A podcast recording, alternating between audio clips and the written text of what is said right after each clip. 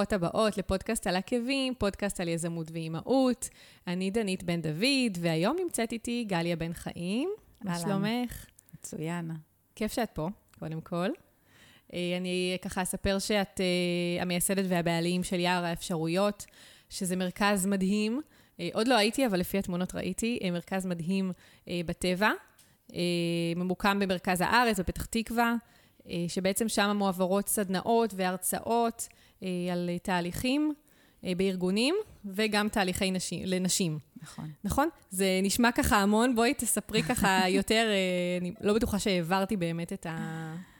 אוקיי, okay, אז uh, מה שאני עושה זה באמת uh, uh, הרבה דברים שהם מאוד מגוונים. אני, המרכז עצמו, בציר המרכזי שלו, הוא באמת עוזר לאנשים לעשות תהליכים uh, uh, של חיבור פנימה לשורשים וערכים ולהצמיח כנפיים. אז אם זה בארגונים לפיתוח צוותים, ואם זה סדנאות לנשים, ואני מכשירה uh, אנשים להיות מנחה NLP, uh, נעשה בתוך הטבע. איזה כיף, איזה מדהים זה. כן, מאוד. מהמם. אה, אז אה, קודם כל, את עושה גם עוד המון דברים, אנחנו נדבר על זה.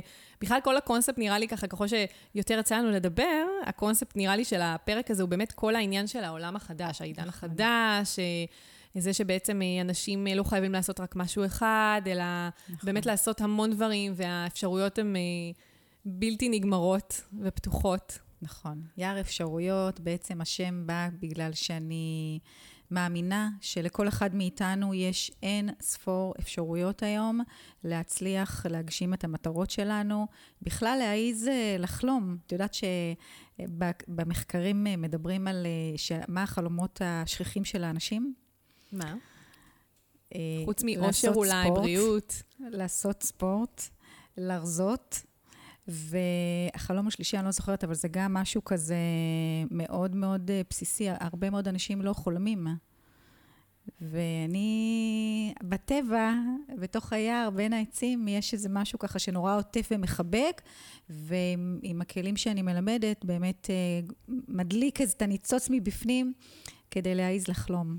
אני חושבת שאולי הרבה אנשים לא מעזים לחלום, או אני לא יודעת אם לא מעזים לחלום, כאילו כל כך עסוקים בטרדות היום-יום ובמרוץ האינסופי הזה, שהם פשוט שוכחים, כאילו מדחיקים את זה לאיזשהו מקום אה, אחורה, אחורנית, כאילו ב, נכון. במוח.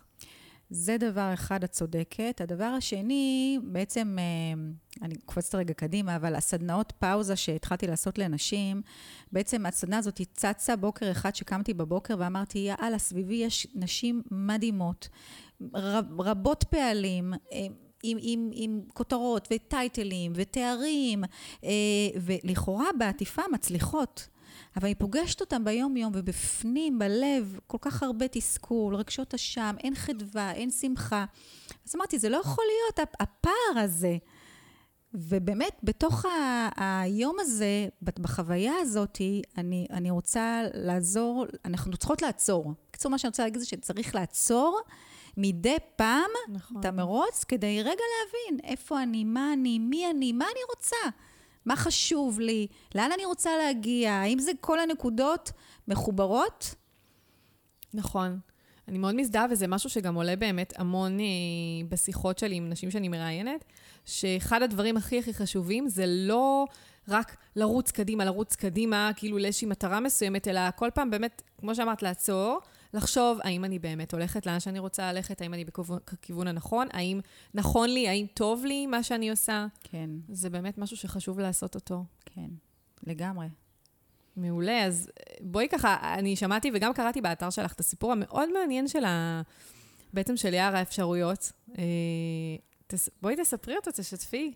מאוד מאוד okay. אוקיי. מעניין ככה, איך, גם איך הגעת כמובן לתחום, וגם אה, בכלל, מה הבסיס של המקום הזה? אז באמת יער אפשרויות, אה, זה מרכז שאני הקמתי אותו לפני שנתיים וחצי, אבל בעצם אני יושבת אה, בזכות גדולה על קרקע ששייכת לאבי. שהוא בן 70, אה, יזם, עד היום קם כל בוקר עם חלום חדש. איזה כיף, יואו. וציוני מאוד, מחובר אה, לשורשים ולארץ ישראל, ולפני 15 שנה הוא בא למכון וולקני במשרד החקלאות ואמר להם, בכל העולם יש יערות מבוקרים, איך יכול להיות שבמדינת ישראל אין? בואו נעשה כזה דבר.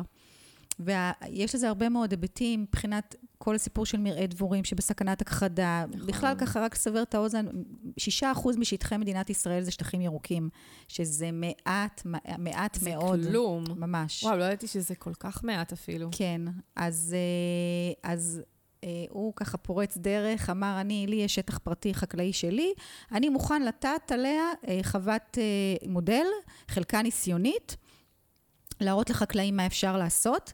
ובגלל שאנחנו מדינה בהישרדות, אין השקעות לטווח של 20-25 שנה, אז היה חשוב לו להכניס עוד נופח של אופי ו- ודברים בתוך החלקה הזאת, כי זה התחיל מכזה דבר, בגודל של אצבע.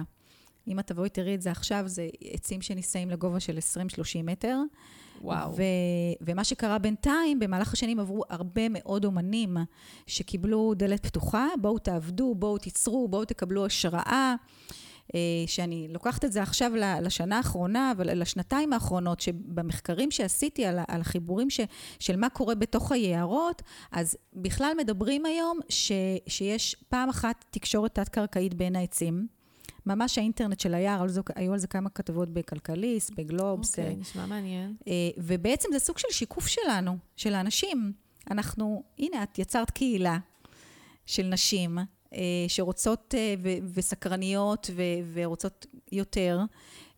ויש המון, אנחנו חיים היום בסביבה של קהילות, וזה בדיוק נכון. כשהולכים נכון. בתוך היער, זה מה ש... זה סוג של השתקפות שלנו, של בני האדם. אז זה דבר אחד. והדבר השני הוא שלמדתי, שאני ככה חולקת איתך, זה שביפן פותח אה, ענף שלם שנקרא שירקי ניוקו, שזו תרפיה ביערות. אוקיי, okay, מה זה אומר? זה אומר שלקחו, הבינו שאנשים יכולים לחולל טרנספורמציה פיזית ורוחנית ומנטלית בתוך היערות, והקימו איזה 40-50 מרכזים של יערות בתוך אה, יפן, שמביאים לשם קבוצות של אנשים כדי לחולל שינוי במצב הרפואי שלהם, במצב הרגשי שלהם. עכשיו, זה לא נשאר רק בזה, לקחו את זה אוניברסיטאות הכי הכי הכי בעולם ועשו על זה מחקרים. וואו. ארצות הברית אימצה את המודל הזה, באוניברסיטת סטנפורד, קראתי לפני כמה שבועות, שבאוניברסיטת סטנפורד בארצות הברית עשו על זה מחקר מה קורה לאנשים שנמצאים בתוך היערות. האמת, אני יכולה מאוד uh, להבין את זה, כי קודם כל המצב הנפשי משליך ישירות על הגוף. כן. על המצב הפיזי שלנו. וכשאת נמצאת בטבע, אני לפחות, ואני מאמינה שהרבה, זה כאילו... לא יודעת, זה כאילו נכון. פותח משהו, כשאני נמצאת בטיולים, אה, למשל בחו"ל, אה, בארץ לצערי אנחנו לא מטיילים הרבה, אנחנו צריכים יותר, אז אה, אני, זה כאילו משהו אחר. יש מרחב נשימה. כן, ממש ככה, כאילו הכל מתרחב כזה ונפתח. נכון. אז אחד הדברים המדהימים שקורים ביער אפשרויות, ולמה יער אפשרויות? כי זה כבר אמרתי לך, אז יש את האפשרות הזאתי לעשות תהליך ואתה מרגיש מוגן, אתה מרגיש עטוף, אתה... אני רואה אנשים שמגיעים בבוקר ציניים, תוך שעה נעלמה הציניות. הם, הם הופכים להיות המשתפי פעולה הכי הכי הכי גדולים בתוך תהליך uh, שקורה. Uh, זהו, אז ככה זה קם, ואני לפני שנתיים וחצי בעצם, אחרי שעשיתי שינוי uh, uh, בקריירה שלי, uh, תכף אני, אנחנו, אנחנו נדבר גם על זה, זה כן, גם מן הסתם הכי רלוונטי לעולם החדש.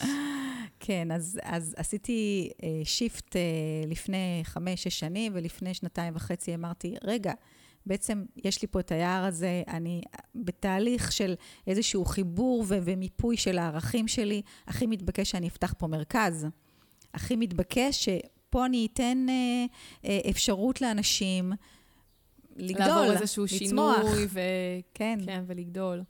יפה, אז באמת תספרי ככה, את, ממה שככה אני דיברנו, את בעצם כל חייך הבוגרים היית עצמאית. נכון. ועברת המון אה, גלגולים אה, מבחינת העסק. תספרי באמת ככה... השינויים שאנחנו עוברות ורוצות לעבור, הם אה, לא רק, הם, הם מורכבים לא רק משכירה לעצמאית. נכון. זה מורכב עוד יותר כשאנחנו עצמאיות. וככה, כשדיברתי איתך, בעצם עשיתי ככה סקירה על ה-30 שנה האחרונות, אני בת 48 עוד מעט, ומגיל 20... לא נראית בכלל, דרך אגב, ממש לא. תודה. מגיל 20 אה, נכנסתי ככה לעסק המשפחתי, ועסקתי בשיווק, אה, יבוא, אה, עובדים, מין קולבויני כזה של העסק. בגיל 30, שכבר נולדו לי תאומים, הם היו בני שלוש, ופתאום דגדג לי לעשות משהו אחר. ואז אמרתי, טוב, אני בתוך החממה המשפחתית, מה... אמרתי, טוב, אני אפתח עוד נישה בתוך העסק המשפחתי. פתחתי איזה עסק שלי, שהלך וגדל ותפס אה, נפח בעצם טבעונית של משחקים. אה, משחקי ילדים. משחקי ילדים. תוך כדי למדתי תרפיה במשחק, והתחלתי לעשות הדרכות אה, הורים, וממש להביא איזושהי בשורה של כמה זה חשוב שהורים ישחקו עם הילדים שלהם. איך זה משפיע על כל המהלך הרגשי והמיומנויות הכל כך חשובות שאנחנו צריכים היום בתוך החיים. Mm-hmm. והקמתי נגריה לילדים והורים. וואו. וזה היה ממש... זה לא ידעתי. נגריה להורים וילדים, שעבדה איזה שנתיים. את בעצם ניהלת את כל האופרציה הזו לבד? של הנגרייה והיבוא של המשחקים. כן, היו לי עובדים שהם גם אה, שיווקנו החוצה לחנויות בוטיק, וגם אה, להפעיל את כל הנגרייה הזאת. אה, וגם אני, את יודעת, הייתי בתוך העסק המשפחתי, אז הייתה תמיכה הדדית. Mm-hmm. וזו הייתה באמת הרפתקה מאוד מעניינת ומאוד אה, מפרה, ומבחינתי זה היה להביא איזושהי בשורה, אה, גם של חשיבות המשחק בעולם הרגשי של ילדים, וגם אה, המשחקים שהבאתי היו באיכות מאוד מאוד גבוהה, אז לא היה כמעט צעצועי עץ בארץ, צעצועים, לא הבינו בכלל את המשמעות של החשיבות ברמה התרבותית של התפקיד שלהם. אה, זהו, זה היה, היה כיף, אבל אז אה, הגיע איזשהו רגע שדגדג אה, לעבור לתחנה הבאה. זאת אומרת, כאילו הרגשת שמה, משעמם לך פתאום? כאילו זה... אין לך כבר את הריגוש מלהקים את המשהו החדש כן, הזה? כן, הרגשתי שאני עשיתי את שלי, ושמילאתי את תפקידי בחלל הזה של, אה, של כל, ה... גם זו הייתה קהילה כזאת של יבואנים, היינו נורא בקשר, עושים תערוכות ביחד, נוסעים לתערוכות בחו"ל ביחד. וואו. אה, כן, קהילה מאוד מאוד אה, קרובה וככה מפרגנת, לא, לא, לא ברור מאליו. לא, נכון. אבל משהו הרגיש לי שאני, שאני לא, שאני כבר, שאני צריכה להתקדם, שאני צריכה לעבור הלאה. גם באותה תקופה אה, עברנו את כל הטלטלה המשפחתית שלנו עם הקטנה שלי, אז אה, בכלל ככה, אה, דברים השתנו לי בחיים. סקרנת אותי, איזה טלטלה, לא דיברנו על זה. לא חובה, את לא חייבת לשתף, סתם ככה מעניין אותי. אה, הסיפור שלי שבעקבותיו יצא הספר, ילדת המשאלות. אז זה מדבר על האימוץ, כן, נכון? כן. אז הקטנה שלי הרי, שהיא ביום שישי תהיה בת שמונה. אה, מזל טוב. תודה. אז אנחנו קיבלנו אותה באומנה. היא הייתה בת uh, שבוע ימים, קיבלנו טלפון, יש תינוקת בת שבוע. צריכה להחליט עד uh, מחר בשבע בערב אם אתם לוקחים אותה או לא.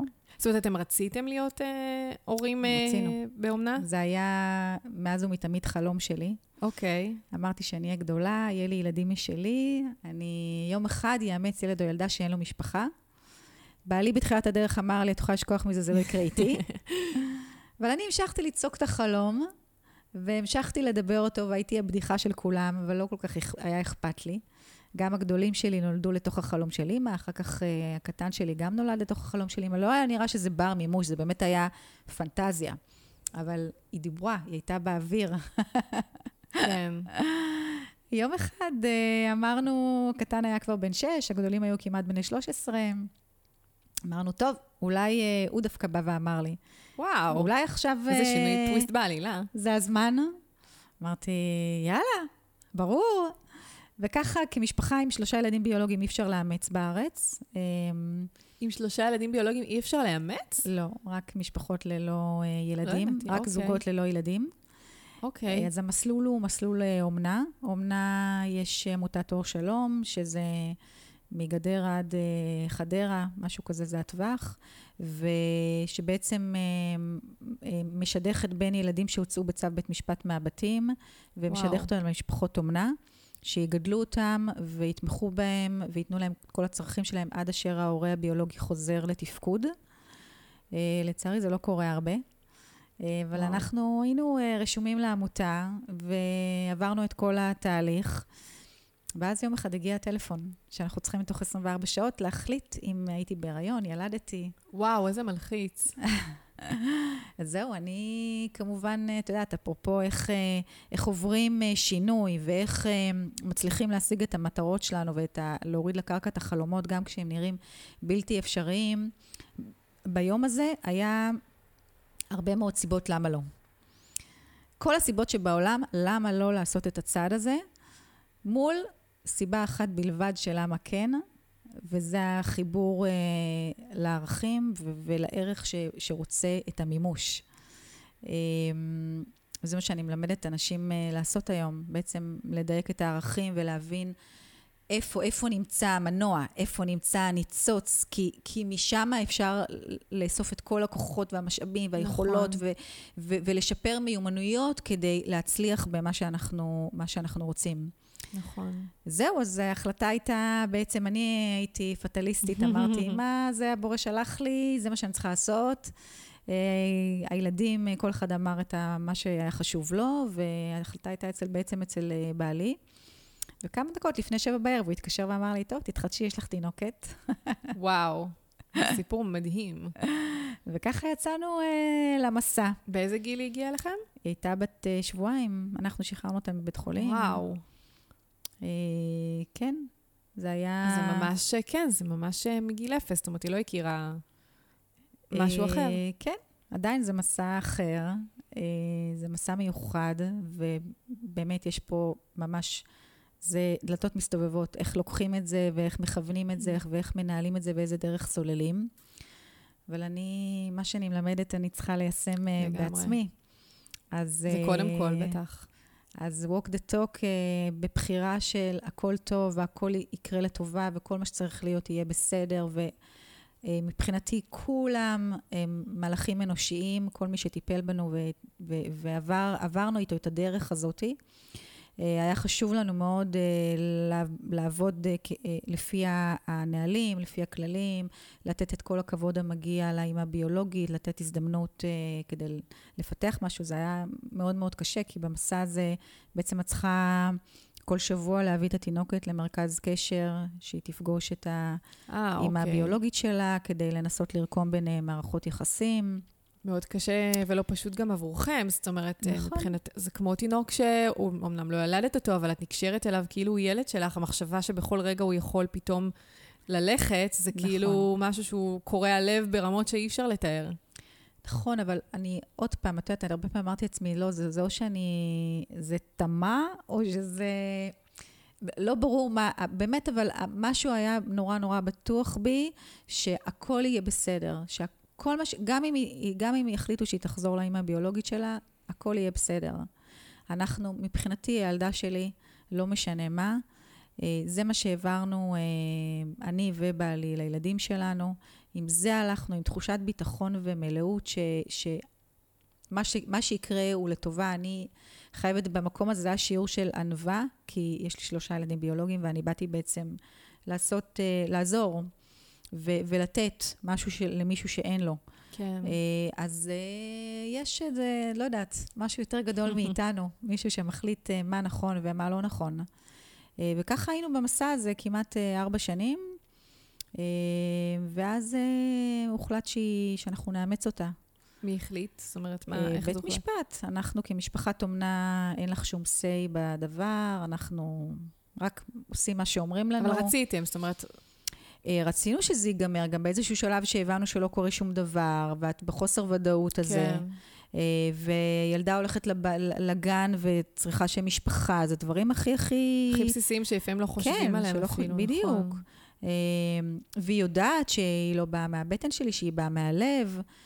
שבגלל זה בעצם גם כתבת את הספר, כאילו כדי להסביר לה בעצם בצורה יותר עדינה. קודם כל כן, קודם כל לה. כי אני, התפיסה שלי היא תפיסה שבאה מתוך אהבה ולא מתוך, לא מנוהלת מתוך פחדים.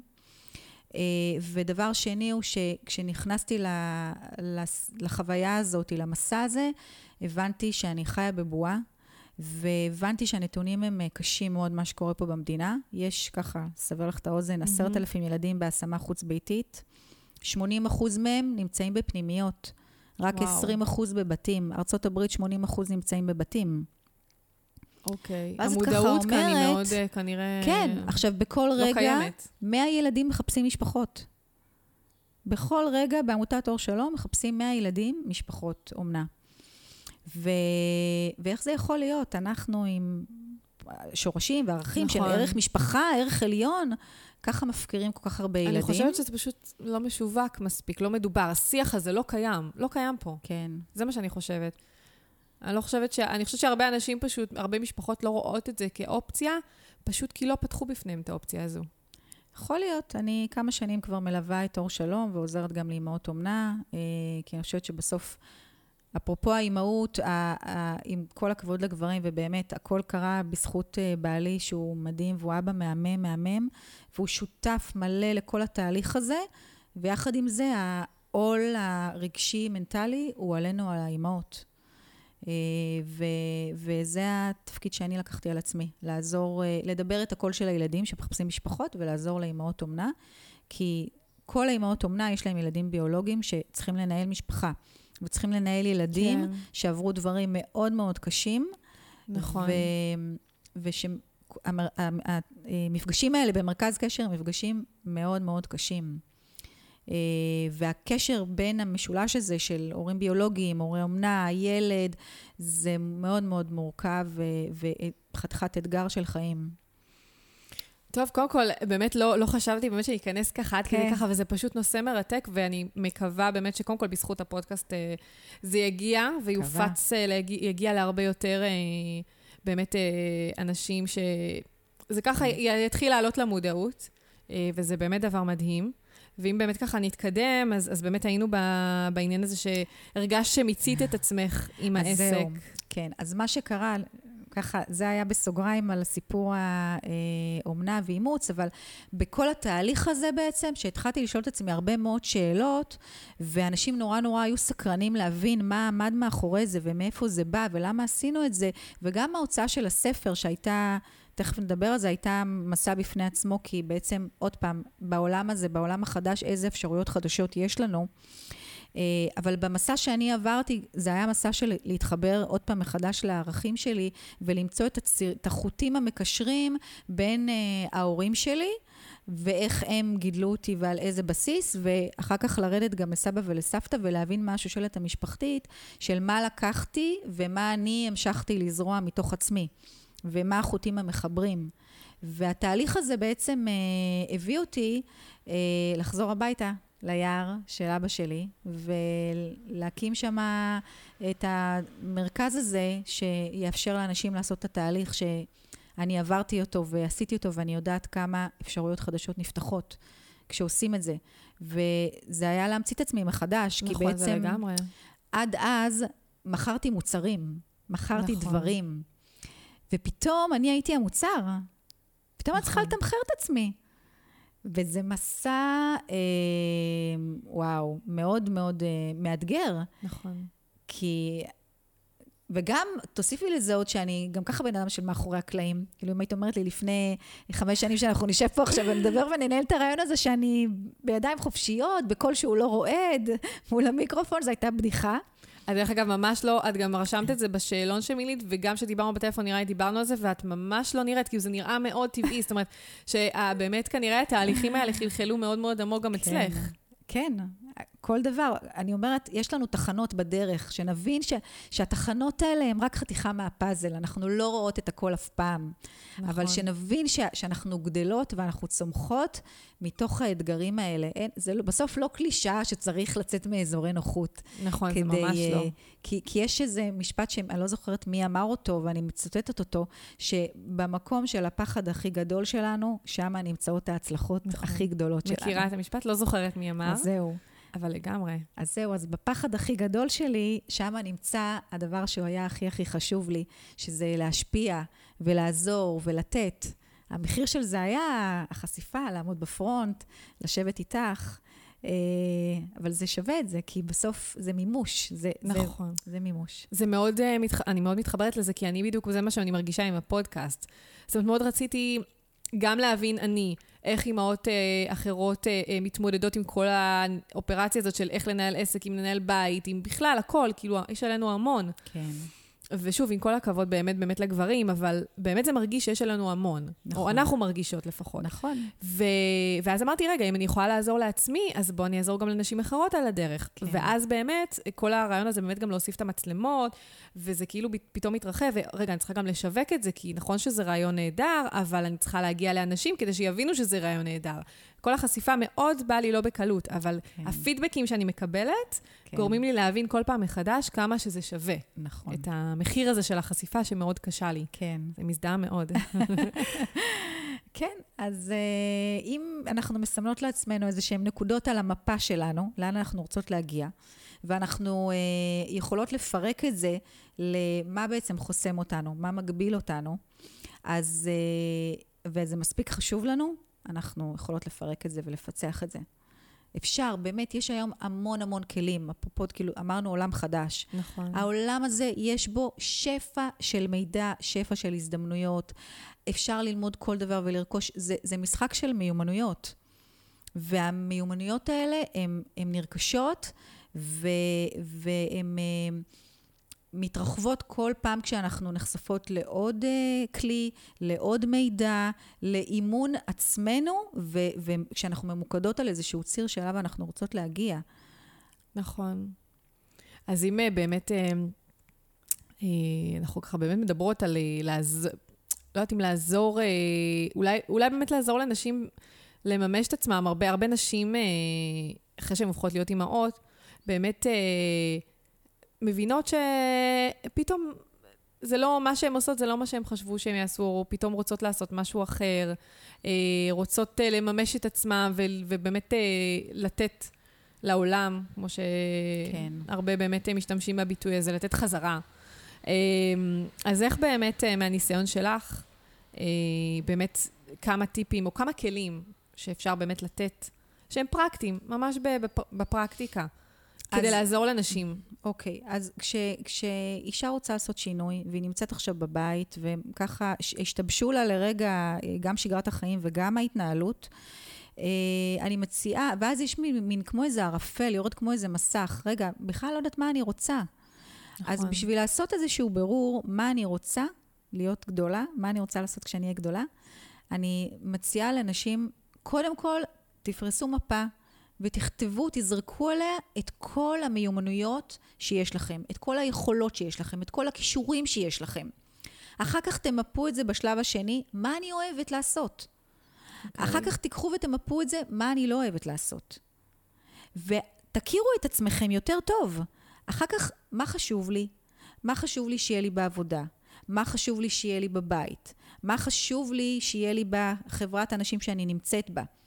הדברים שחשובים לי, יחד עם האוסף כלים ומשאבים ויכולות ומיומנויות שיש בי, יחד עם מה אני רוצה, אה, מה אני, איך זה יכול לעזור לי למצוא את מה אני רוצה לעשות, כן? זה לאט לאט חושף איזשהו דבר חדש. זה, זה לפחות מפרה למרחב של יצירתיות שיכול לעזור כדי להבין איך אני יכולה לקחת את כל הדברים האלה ולהמציא מזה דבר חדש. Mm-hmm. כשמדברים על יצירתיות זה לקחת אחד, שתיים וליצור שלוש.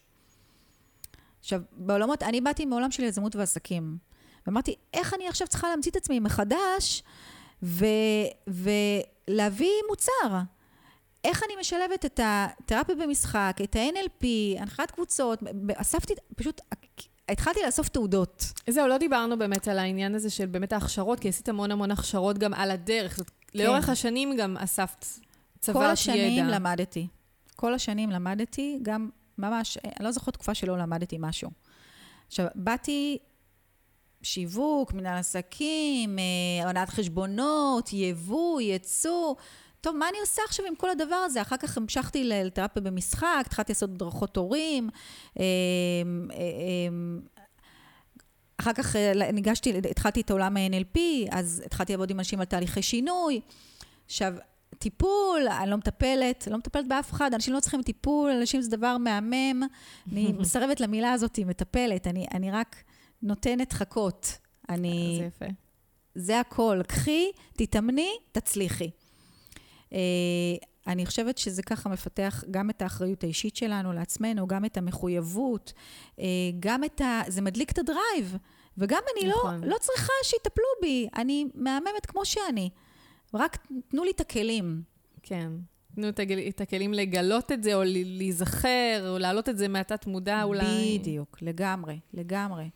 רק אמ, כשאנשים אומרים לי, זה נורא קשה. פוגשת הרבה מאוד נשים שאומרות לי, אבל זה נורא קשה. זה קשה לשנות, קשה נכון. להבין, קשה, קשה, אני גדלתי ככה שאני לא מספיק שווה, שאני צריכה להמשיך לרדוף אחרי ההצלחות כדי לאסוף עוד הכרה, עוד הכרה, עוד הכרה. ואז אני אומרת את המשפט הבא. אני אומרת, זה קשה לעשות שינוי.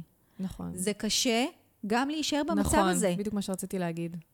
זה קשה מקדם, זה קשה התקועה. נכון. כמה עוד שנים את רוצה להישאר במצב הזה?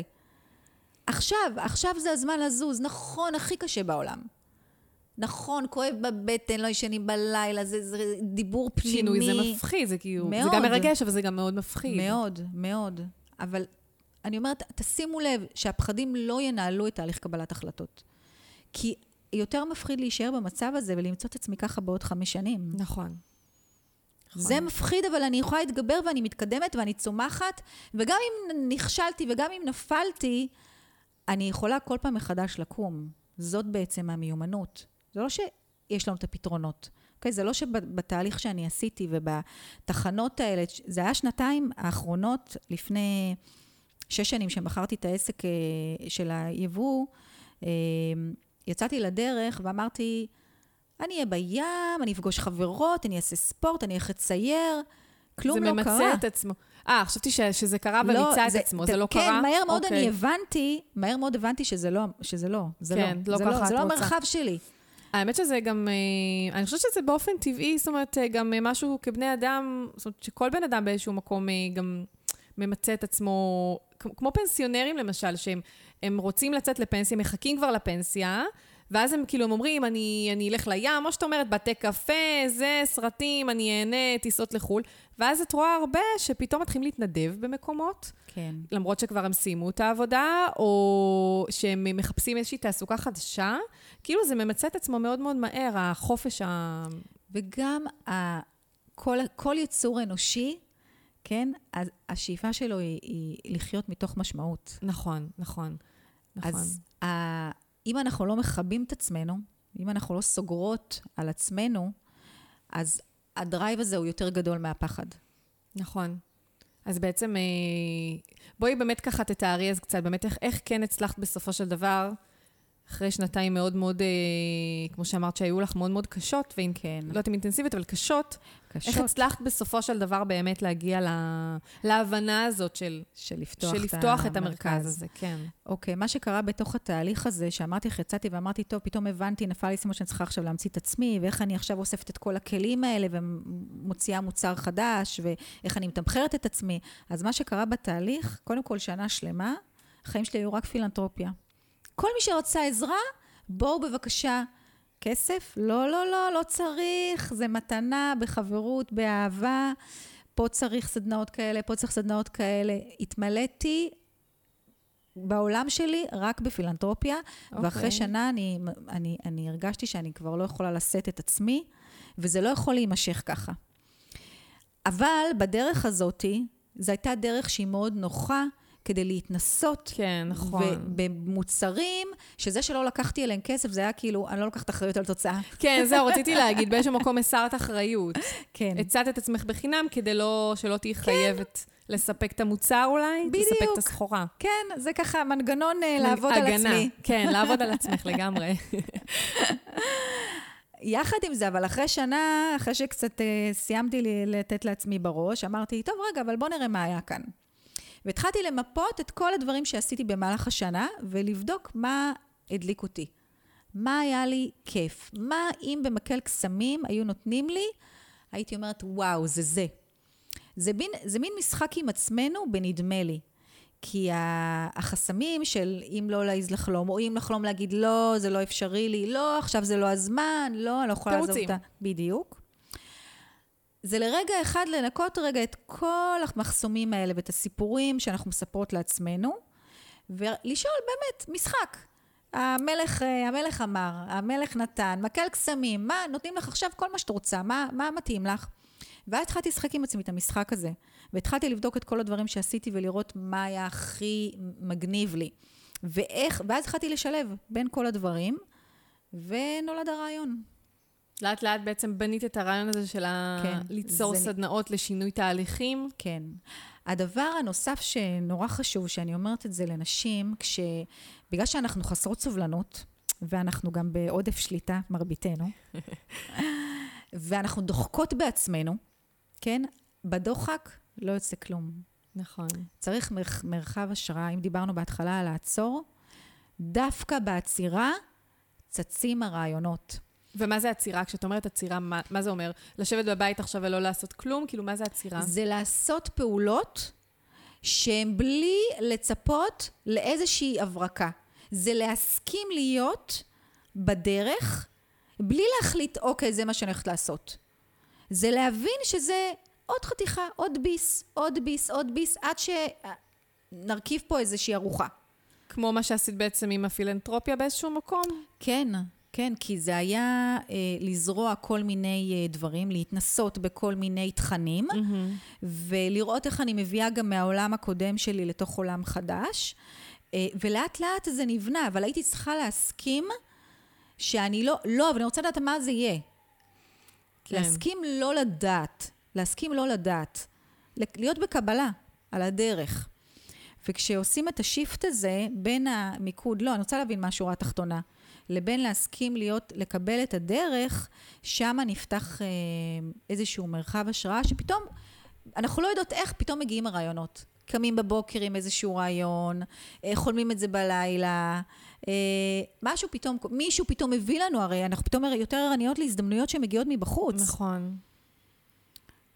אוקיי. זה איזושהי תודעה שאנחנו צריכות לשמור אותה, שהיא היא, היא בוטחת ו, והיא מקבלת. קצת חמלה כלפי עצמנו. כן. הרבה יותר ממה שאנחנו נותנות לעצמנו. כן. זה לא פשוט לעצור. זאת אומרת, זה לא פשוט לעצור ולהגיד, עכשיו אני... כי אנחנו הרבה פעמים, אה, באמת, אה, גם זה מה שבהרבה מקומות, אה, כאילו, זה מה שאנחנו סופגים מהרבה מקומות והרבה תכנים, של תראו לאן אתם רוצים להגיע ותחתרו לשם. תחתרו למטרה. ופה את אומרת משהו אחר לגמרי. את אומרת, אל תנסו לחפש כאילו את הנקודה הסופית. נכון. תתחילו לגשש, ובסוף זה יוביל אתכם. נכון, כי אנחנו נמצאות בעולם משתנה. שתינו, מה שאנחנו עושות היום, בתאריך הזה של 20 ליוני אה, 2018, אם אנחנו נדבר, אנחנו נדבר. בעוד, אה, את יודעת מה, אני אהיה לארג'ית. שש שנים, וואו. 20 ליוני 2000, אה, מה זה יהיה? 24? ארבע, כן. אה, אנחנו שתינו נעשה כנראה משהו אחר. כי זה העולם נכון. החדש. נכון. אנחנו צריכות להמציא את עצמנו כל הזמן, וההשתנות היא הדבר הכי קבוע. אה, אין לנו מושג, מדברים על זה בהרבה מאוד מרחבים, איזה מקצועות חדשים יהיו כאן. נכון. ואנחנו, בשביל שנצליח להישאר בנקודה שבה אנחנו מגשימות את עצמנו ועושות את מה שאנחנו אוהבות, ומרוויחות כסף, ומנהלות בתים, ומנהלות את החיים שלנו בשמחה, בחדווה ובבריאות, הגוף והנפש, אנחנו צריכות, מחויבות, כל הזמן לצרוך אה, ולהרחיב את, את הסט של המיומנויות שלנו, וזה מתחיל מהסט של החשיבה. אז אם דיברנו על, על, על מה קורה בעולם חדש, ועל הצורך שלנו כל הזמן לרכוש עוד מיומנויות, כן. ועל זה שבאמת יש אפשרויות לרכוש הרבה מאוד כלים וללמוד בדרך קלה ואפילו בלי כסף. היום אנשים מחלקים קורסים אה, דיגיטליים בחינם, סדנאות דיגיטליות ב- בלי כסף, כנסים דיגיטליים שלא עולים כסף. באמת אפשר לצבור ידע. אם, אני אומרת, פחות שעה טלוויזיה ביום, חצי שעה TED. חצי שעה וואו, לגמרי. פודקאסט. נכון, היום בגלל, נכון, גם הפודקאסטים באמת הפכו להיות משהו מאוד מאוד, ב- לאט לאט תופס תאוצה בארץ, אה, ובאמת, כי אנשים באמת מבינים את החשיבות הזה של באמת להרחיב את האופקים, לשמוע דעות נוספות, כן, אנשים נוספים, זה הרבה יותר מעשיר מאשר לראות עוד אה, סדרה בטלוויזיה. כן. לגמרי. כן, וזה עוזר לנו בעצם כל הזמן להיות אונליין על, על העולם החדש הזה. דרך אגב, נכון. זה, הילדים שלנו כבר שם. זה שמערכת החינוך אה, לא השתנתה עדיין, כן. אבל אנחנו, המחויבות שלנו, האחריות, האחריות שלנו, היא להביא לילדים שלנו מיומנויות באמת באמת שעולם חדש צריך. נכון, יצירתיות, יוזמה, חשיבה עצמאית. נכון. אז אם באמת, נ- ככה עוד שנייה נעבור באמת לנושא הזה של אה, כן. איך באמת, משחק, איך לפתח גם את, ה, את המשחק אוקיי. אה, אצל ילדים, שזה משהו שהוא מאוד מאוד אה, חשוב. כן. אה, וגם תגידי באמת מה, תגידי גם מה הקשר שלך לנושא, כי גם דיברנו על זה מקודם לפני הראיון. כן. אה, אז רק בהקשר של ה- באמת העולם החדש, דיברת על חמלה, על, אה, על, על, על הצורך הזה לרכוש מיומנויות. איזה עוד באמת אה, כלים עזרו לך באמת לאורך הדרך לעשות את השינוי הזה וה... ה- אה, להמציא את עצמך כל פעם מחדש. אם נניח אני רוצ, אנחנו רוצות עכשיו באמת שמישהי מאזינה אה, וחושבת לעשות שינוי, אז איזה עוד כלים יכולים לעזור לה okay. אוקיי. לצלוח את זה יותר בקלות? אז תראי, אז זה הכל בסוף מתחיל מהראש. זה הכל תודעתי. מי שלא ראתה את הסרט הכל בראש, חייבות לראות אני את לא הסרט. ראיתי. לא, את חייבת. אוקיי. באנגלית? זאת אומרת, כן. זה- לא, זה סרט ילדים של פיקסל, משהו, דיסני. אה, אוקיי, הכל אה, בראש. יש את זה גם מתורגם אה, אה, אני לעברית. יודעת על מה את מדברת. עם היצורים האלה שהם בתוך הראש, ו... כן, אוקיי, אני אראה גברת את כעס, זה. גברת שמחה, עצב. נכון, אני אראה את זה.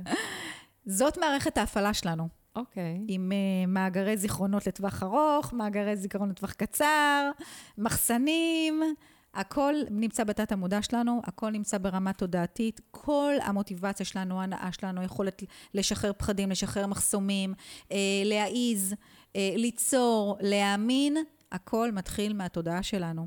ואחד הדברים שעזר לי בשינוי האחרון זה באמת שיש לי את הכלים של ה-NLP. זה שינה לי את החיים, זה שינה לי את תפיסת המציאות שלי, את השפה שלי, את היכולת שלי. את יודעת שהכוח הכי הכי גדול של האדם זה כוח הדמיון, ואנחנו בקושי משתמשות בו. נכון. אז כל הזמן להפעיל את, ה, את הדמיון ול, ול, ולצקת תכנים. לת, אני, אני התסריטאית של חיי. יש המשפט, אה, אה, הכל צפוי והרשות נתונה. נכון. הרשות נתונה זה, יש לנו את הבחירה. ו, וזאת ה... במיוחד שאני מלמדת את זה, זה אם יש משהו שלי חשוב, כמי שמלמדת אנשים, זה גם להמשיך ללמוד, נכון. אבל גם uh, להיות walk the talk. זה ליישם את הכלים, קודם כל על עצמי.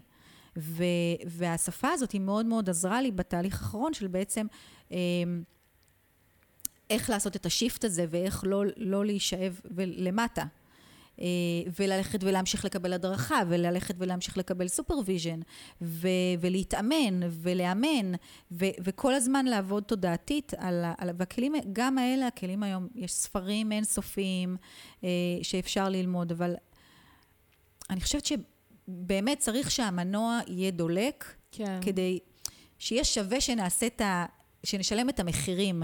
כי את יודעת, חלק שדיברנו על נשים אה, מצליחות, והרבה מאוד נשים שככה נורא מסקרן אותן לבוא לעשות את הסדנאות ביער, והן אומרות בכנות, אני לא, עוד לא מוכנה לפגוש בעצמי. וואלה. יש משהו מפחיד. כן, אני יכולה להבין, אבל זה גם אמיץ לבוא ולהגיד את זה. זה מה שאני אמרתי, בדיוק. עצם זה שאת אומרת את זה, זה כבר מפגש עם פחד. נכון. אבל בסוף כל אחד מאיתנו יש משפט, אני למדתי אצל דוקטור יוסי קדמי, שהוא הוא המורה שלי, ואני, זה הציר שאליו אני אה, הולכת. אבל יש לו איזה משפט שהוא אומר, כל אחד מאיתנו הוא, מוס, הוא מוסד למטרות רווח. איפה שיש רווח משינוי, אנחנו זזות. וואלה, יפה, משפט יפה. כן? עכשיו, בשביל לראות את הרווחים, אני צריכה להתחיל לשאול את עצמי שאלות. אוקיי? שאת אומרת, איזה עוד כלים? להתחיל לשאול את עצמי שאלות. מה חשוב לי? איזה דברים אני רוצה שיהיו בתוך החיים שלי? מה יקרה כאשר אני אהיה באפשרות החדשה? כן. איך זה ישפיע על מרחבי החיים שלי? איך זה ישפיע על הילדים שלי? בדיוק. זו הסיבה לדעתי באמת שאנשים מפחדים לעשות את ה... לשאול את השאלות האלה ולעשות את השינוי. כן. ההשלכות, איך נכון. שזה ישפיע. בסדר, אבל אז אנחנו, אנחנו, המטרה היא לשאול את השאלה ולראות את הטוב שזה יפתח. נכון. ואז זה להבין שה, שהרווח יותר גדול מהמחיר להישאר, שהפחד מנהל אותי. נכון. כי מה שבעצם מונע מ, מלזוז ולהמציא את עצמנו מחדש זה הפחדים. אבל הפחדים לגמרי. זה לא אמת. זה תסריט בראש. נכון. אז אנחנו יכולות להמציא תסריטים חדשים. לגמרי. יפה. יפה מאוד. אז הכל בראש, כמו שאת אומרת. לגמרי. לשחרר את החסמים. כן, כן. אז בואי באמת נדבר קצת על... אה, התחלנו לדבר על זה גם, דיברנו המון לפני הראיון. כן. אה, ככה דיברנו על העניין הזה של באמת אה, איך משחק מאוד יכול, מאוד עוזר ומאוד חשוב. כן. גם בתקשורת עם הילדים וגם שזה מפתח באמת את הדמיון ואת היצירתיות. בואי תגידי קודם כל באמת מה הקשר שלך לתחום. את אמרת בעצם שדיפ, שלמדת תרפיה, תרפיה במשחק. במשחק, כן, שתוך כדי שהתעסקתי ביבוא משחקים, הלכתי ללמוד תרפיה במשחק. אה, מתוך תפיסה שבאמת אני מאמינה שמשחקים אה, מחוללים שמחה, מחוללים fun, מחוללים אינטראקציה, אה, והרבה מאוד מיומנויות של להתאמן על להפסיד, להתאמן על יצירתיות, להתאמן על תכנון, על אסטרטגיה. אבל זה היום רחב לי יותר, כי אני בעצם מבינה, ואני מלמדת שהמוח שלנו לא יודע להבחין בין דמיון לבין מציאות. ולשחק לשחק את המשחק של החיים, זה מגניב, כי אנחנו מתאמנות בעצם על יבש ומעבירות את זה לחיים. והילדים שלנו עד גיל 10, מחקרים מדברים על זה, וכל השיטה של תרפיה במשחק מדברת על זה, שילדים עד גיל 10, השפה הרגשית שלהם היא שפת המשחק. ושפת המשחק בעצם מדברת שהשפה היא המשחק והצעצועים הם המילים. וילדים בעצם יש להם את היכולת לרפא את עצמם ולטפל בכל הרגשות הקשים שיש להם, שהם לא יכולים לתמלל אותם. ילד בן שנתיים לא יודע להגיד אני כועס. ילדה בת אה, חמש, שש, לא יודעת להגיד, נעלבתי כי ככה וככה וככה, אני מתוסכלת, אני מתוסכל, אין להם מושג, אין, אין להם את השיום נכון. של הרגשות האלה. והמשחקים, כשמאפשרים להם במשחק חופשי, של דמויות, של אה, קוביות, של, לא משחק שהוא מובנה עם כללים, שהם אלה... הם יוצרים את הכללים. בדיוק. כי תחשבי, מה זה ההורות היום? היא משימתית. 99% היא משימתית. עכשיו זמן להתקלח, נכון. עכשיו זמן ללכת לישון, עכשיו זמן שיעורים, עכשיו זמן טלוויזיה, עכשיו זמן לסגור טלוויזיה, עכשיו זמן ללכת לחוג, עכשיו זמן לחזור נכון. לחוג. מאוד משימתי. כן, מאוד מובנה כזה. מחקרים מדברים על נתון מאוד קשה, כמה זמן באמת יש איכות, כמה דקות. יש זמן איכות בין הורה לבין ילד. אוקיי. כל כך מעט? 17 דקות. אוקיי. כי גם כשאנחנו משחקות עם הילדים, זה כלום. גם כשאנחנו משחקים עם הילדים, אנחנו מחליטים. גם אם הוא טעה בחוק, אנחנו מתקנים אותו על החוק. לא, זה לא ככה, זה לא החוקים. בעצם אין לו שום מרחב בחיים שהוא לוקח אחריות. ואז הוא מגיע לגיל 12, ואנחנו אומר לו, אנחנו אומרים להם, די, אתה כבר בן 12, כן. קח אחריות. אבל כן, אבל אנחנו לא לימדנו אותו לקחת מגיל צעיר. בדיוק. ולכן זה זמן מהמם מגיל שנתיים עד גיל שמונה, כי לצערי היום הילדות נגמרת נורא נורא מהר, וילדים מפסיקים לשחק בגיל נורא נורא מוקדם. אז, אבל אני אומרת, בגלל שהטווח של הגילאים אצלי, של הילדים, הוא נורא רחב, אני ממש יכולה לראות כמה דורות. ואני יכולה לראות את ההשפעה של מה אנחנו עושים ואיזה זרעים אנחנו זורעים בהם, למה יוצא מהם.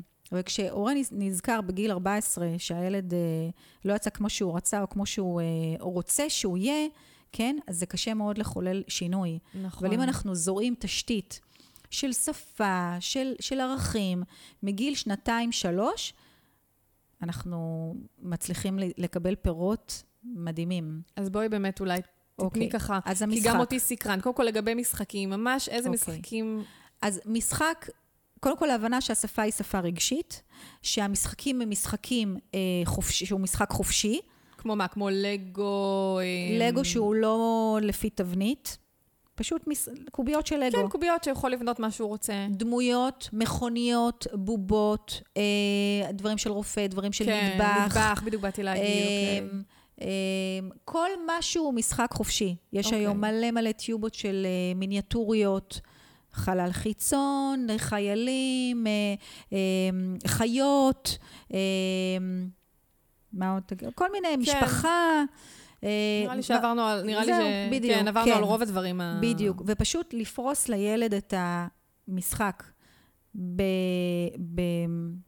בצורה חופשית, אוקיי. ולתת לו שהוא יוביל. הוא מחליט איך הוא משחק, הוא מוביל את הדרך, הוא מוביל את ה... מה הוא עושה, וילד לא צריך uh, ציונים, איזה יופי אתה משחק. לא... זה הפרס שלו כבר.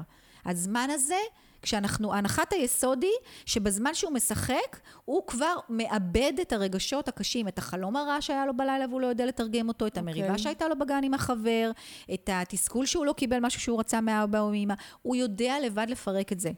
התפקיד שלנו כהורה שיושב שם מעל הילד הזה, זה רק לשבת ולשקף. רק לתאר מה הוא עושה. מה, למשל, שדרן? וואו, איזה, איזה יופי, הכנת לי תה, זהו, למשל. איזה יופי למשל זה ציון. אה, אוקיי. אה, זה שפה חדשה לגמרי. או איזה טעים התה שהכנת לי, נניח, או זה גם... הכנת לי תה. אה, אוקיי. Mm, כזה. זה להיות פסיכודרמה לרגע, אבל מינימום מילים. אני אוקיי. רק משקפת. עכשיו, גם אני לא יודעת אם הוא הכין לי תה, הוא מגיש לך את הכוס, אולי הוא הגיש לך קפה. אני לא יודעת מה, אני לא רוצה להחליט לא עליו. רוצה... כן, הבנתי אותך. תקשיבי, זו שפה זרה לנו לגמרי, ומוזרה ומביכה. הורים נבוכים מהשפה הזאת. עד שאני התרגלתי אליה, לקח לי הרבה זמן, והרבה אה, הסמקות. שילדים שלי הסתכלו עליי בהתחלה, חשבו שאני ירדתי מהפסים, איך אני מדברת אליהם. אבל כשמתרגלים לזה, הילד אוהב את זה. מי לא אוהב? תראי, המצרך הכי נדיר שלנו היום, גם כמבוגרים, זה הקשבה. לגמרי. נכון. זה- זה כמעט לא קיים. יש לו יש הפרעת קשב וכל אחד עסוק בשלו, ו... כן. אז יש שם, זה, זה לפתח את ההקשבה שלנו כהורים, ולהתבונן בילד, זה כאילו להיות ברגע, זה לעזוב את הטלפון, זה לעזוב את הסחות הדעת, זה להיות כלום. חצי שעה, חצי שעה פעם בשבוע, לא צריך יותר. חצי שעה פעם בשבוע בכללים האלה.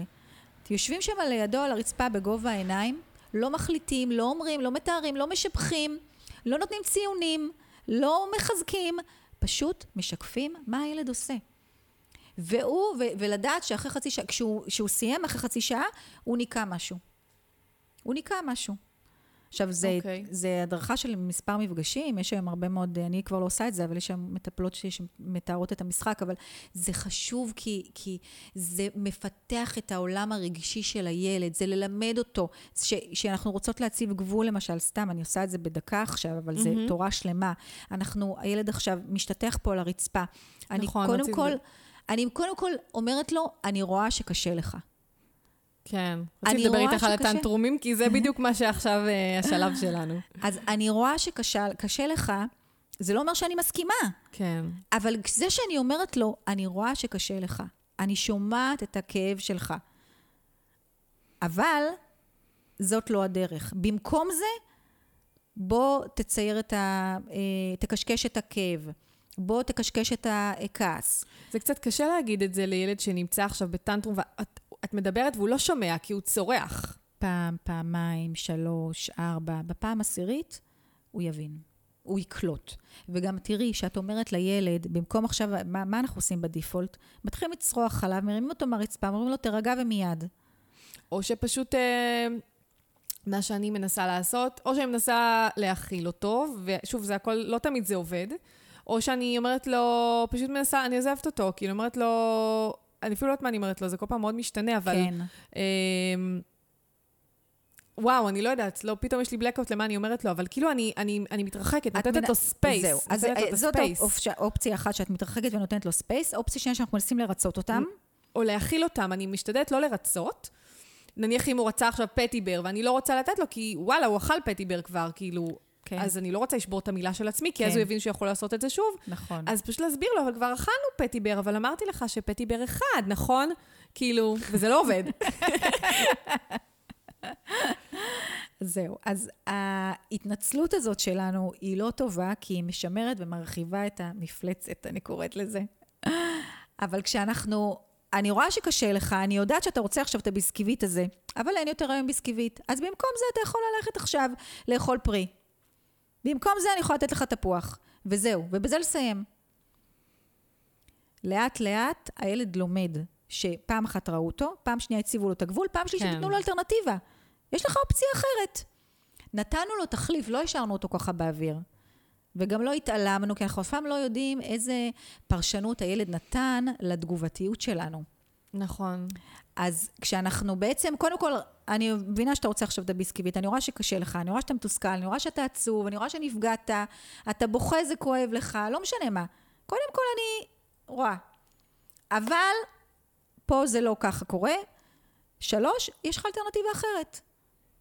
אתה רוצה לבעוט עכשיו? הנה, קח את הכדור, לך תבעט בחוץ. זה עוד משהו שרציתי להגיד, באמת שפתאום אתמול ככה הבן שלי הפתיע אותי, ופעם ראשונה שאת התסכול שלו הוא באמת הוציא בזה שהוא הוציא מגנטים מהמקרר, מגנטים שלו, ובום, זרק אותם.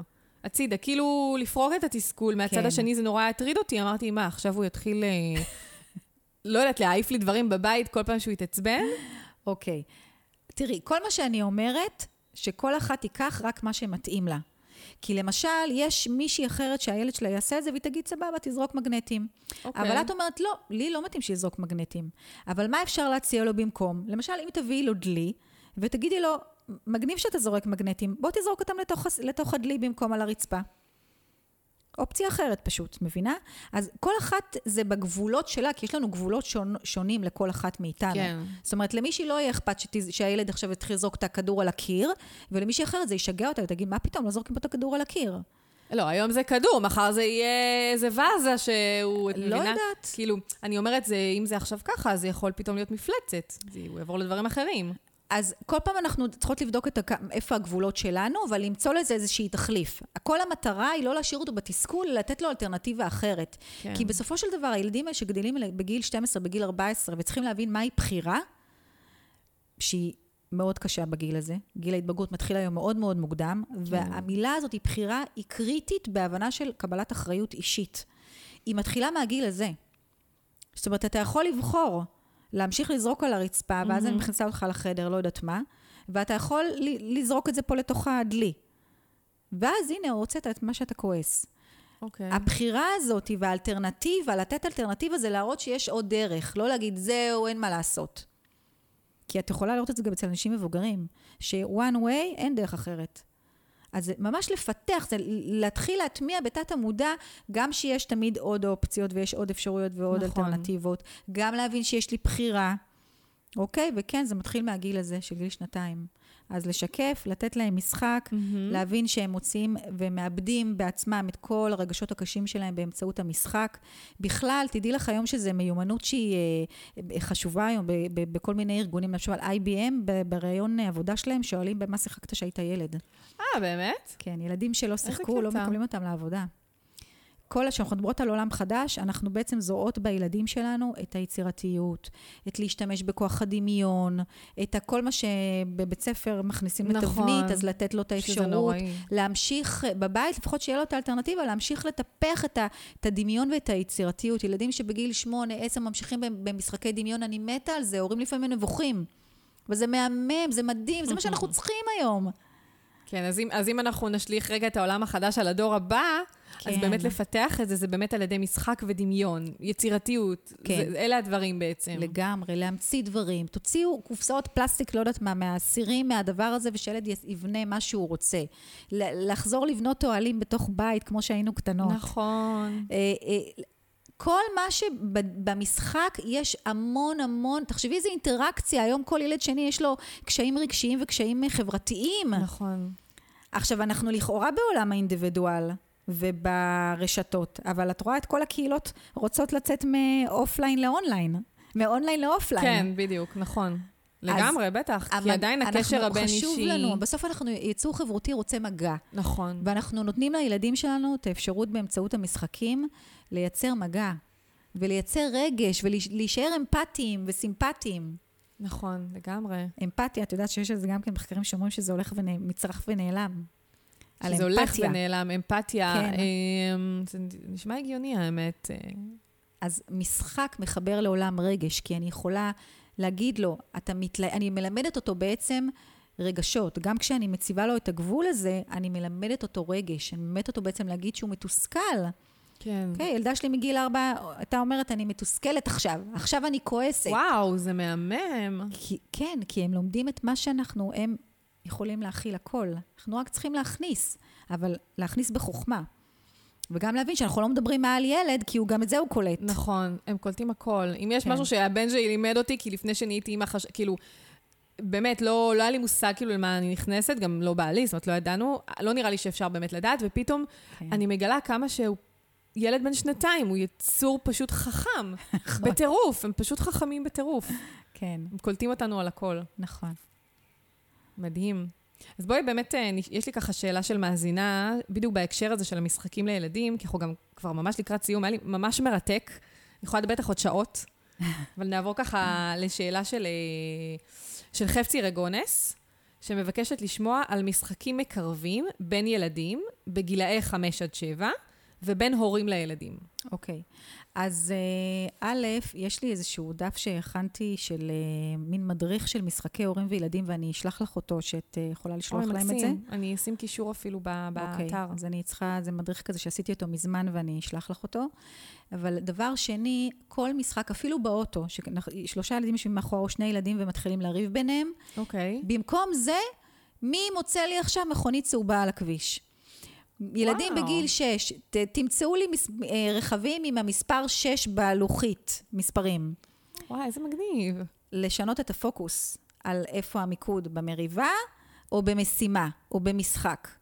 אה, שחור, משחקים כן, לא שחור לבן, אוקיי? באוטו. אה, יש אה, היום משחקים שהיא שואלת על משחקים אה, מקרבים, יש משחקים של שני קדמי, אוקיי. אה, ויוסי קדמי, יש להם שלושה משחקים מהממים של So Do You Junior, junior ו-So so Do You אה, מבוגרים, ויש עוד אה, משחק אחד שנקרא לינק, וזה משחקים שעובדים גם על אה, תודעה וגם על, יש שם המון המון שאלות שהן מקרבות ויכולות לתת לנו להכיר את הילד שלנו. יש אה, משחקים של מיכל לאופר על ערכים, על אה, מה אני רוצה, על תקשורת, אה, סולמות ורגשות נדמה לי, גם משחקים מהממים ש, שנורא נורא כיף לשחק איתם עוד פעם ועוד פעם ועוד פעם, על, על בסיס, בסיס חוקים שכולנו מכירות. אבל שהתוכן שלהם הוא תוכן שהוא ערכי והוא, ומייצר תוצאות חדשות בקשר. אוקיי. אה, כאילו פותח בעצם מ... שיח, פותח בדיוק, שיח, שיח כן. בין הורה לילד. כן, שאנחנו, על שאלות שאנחנו לא שואלות בדרך כלל. פתאום השאלה הזאת כל כך טבעית וכל כך כמו טריוויאלית. למשל, סקרנת אותי. כמו למשל, אה, מה היית רוצה להגיד לסבתא? על מה אתה רוצה לומר אה, תודה לחבר שלך? אה, על איזה חלום אה, יש לך? אה, מה הדבר שאת הכי אוהב לאכול? אה, באמת דברים אה, מאוד מאוד בסיסיים במשחק ההוא של מה אני רוצה, אבל אה, יש שם גם המון משימות בדרך שהן משימות של אה, תקשורת. אם היית... טוב, לא עולה לי עכשיו, אבל זה באמת אבל- משחקים גם של שני קדמי וגם של מיכל לאופר, אה, אוקיי. שאני ממש ממליצה שיהיו בכל בית, ולפחות למצוא פעמיים בשבוע, רבע שעה לשחק משחק כזה עם ילד. מאיזה זה גיל זה בדרך כלל המשחקים גם האלה? מגיל חמש. חמש ככה, אה, אוקיי. שעלה על חמש. נכון. לפני זה באמת רק להישאר במשחקי דמיון. רק, רק לפזר אה, דמויות ומשחקים ו- ולתת לילד שעכשיו הוא מתחיל לשחק עם הדרכון והוא עושה וואו והוא רץ וזה, ופשוט רק להיות שם. לא להשתלט, לא לקחת איזה, גם אם הוא לא מזמין אותנו, לא להשתתף, לא להזמין את עצמנו. כן. באמת לתת לו מרחב שהוא זה שמנהל את העניינים. נכון, האמת שזה גם משהו שהוא באמת נראה לי חשוב.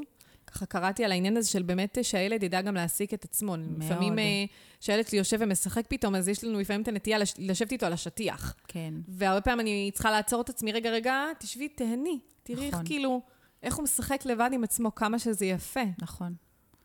לגמרי, לדעת להיות בלבדות זה מתנה לחיים, וזה ילדים שהגירויים שלהם, סף הגירוי הוא כל כך אה, אה, צ'יק צ'יק צריך לעבור מיד מדבר לדבר, שזה טוב גם לשמר אותם, שילמדו אה, לשחק עם עצמם. נכון. מקסים, וואו, דיברנו על, על המון דברים, ממש. והיה לי ממש מרתק. יש ככה אולי באמת לפני סיום איזה מסר או משהו שחשוב לך באמת להעביר בכל הנושא הזה של העולם החדש? אמ, המסר שלי שאנחנו, בכל אחת מאיתנו יש דברים מהממים, מדהימים, עם יכולות מופלאות להשיג תוצאות אה, חדשות, ואנחנו צריכות לעבוד בזה, בלחשוף את זה ולהוציא את זה וללכת עם זה, עם הדברים עד הסוף, ו- וכשאנחנו מספרות לעצמנו סיפור שהוא בעצם, הוא חוסם כל החלטה, לשאול שאלה, רגע, האם זה באמת נכון? האם זאת האמת? אולי זה הפחד? ואז להעיז לקבל עזרה ול- ולקחת אה, ולרכוש עוד כלים ועוד מיומנויות כדי ללכת עם הדברים עד הסוף, כי הזמן בסוף עובר וחבל, ואנחנו המודל לילדים שלנו ואנחנו מודל נכון. לבנות שלנו. אה, אז כאימהות לבנות, וגם לבנים, אבל זה עוד יותר, הקשר בין בת לאם הוא מאוד מאוד מיוחד, והמודלינג הוא מאוד מאוד חשוב. בסופו של דבר אנחנו אה, לא בדיבורים, אלא רק המעשים שלנו משפיעים על הילדים שלנו. לגמרי, זה בדיוק מה שאמרת, walk the talk. כן. אם תגידי משהו אחד, אבל בפועל תעשי משהו אחר, נכון, אז הילד יקלוט את זה ויעשה אותו דבר. כן. מדהים. אז זהו, אז יש הרבה מאוד אפשרויות לכולנו, והכל פתוח. נכון, לגמרי. אני חושבת שזה המסר באמת הכי, הכי אה, בולט או חשוב של כל העולם החדש הזה. כן, שהכל פתוח, וגם אם, אה, לא יודעת, את רוצה לעשות משהו שלא קיים היום, אז זה אפשרי. נכון. ו... ובאמת יש המון, אה, המון מקצועות חדשים שצצו, אה, והמון תחומים חדשים שלא היו קיימים בעבר. נכון, ואני מאמינה שזה רק ילך ויגדל. מאוד. וכל האוניברסיטה, האוניברסיטאות, מכללות, זה משהו ש... לא יודעת. כמה זה ישרוד. כן, יידחק. הצידה. נכון. כן, לגמרי. לגמרי. אז אה, בואו נתאים את עצמנו לעולם החדש. נכון. ונראה לי שנתנו אחלה כלים, נראה לי שנתת את אחלה כלים. אה, באמת איך לעשות את זה. כן. אז אה, ממש תודה רבה לך, היה לי ממש תודה, כיף. גם לי, וואו, נהניתי. השכלתי. שמחתי מאוד לארח אותך. תודה. ואני אפרד ככה גם מהצופות והמאזינות שלנו. אני אגיד לכם תודה רבה שהייתן איתנו בעוד פרק של פודקאסט על עקבים, פודקאסט על יזמות ואימהות. אתן מוזמנות, קודם כל, הכי הכי חשוב, אה, מתחת לפרק תרשמו לי, אפילו בפרטי אתן יכולות לשלוח, אה, תובנה אחת שלקחתן מהפרק הזה, אה, משהו אחד, גם גליה תשמח לשמוע, אני חושבת. בטח. ואם אהבתן את הפרק, אז אה, נשמח שתשתפו אותו עם עוד אה, אנשים רלוונטיים, נשים רלוונטיות. אה, תעשו לנו לייק בפייסבוק, ותצטרפו לרשימת הדיבור שלנו שמופיעה אה, באתר, יש טופס. גם תקבלו הצצה לתכנים שירדו בעריכה, וגם תקבלו עדכונים על פרקים חדשים. אז תודה שהייתם איתנו, ותודה רבה, גליה. תודה. ביי. ביי.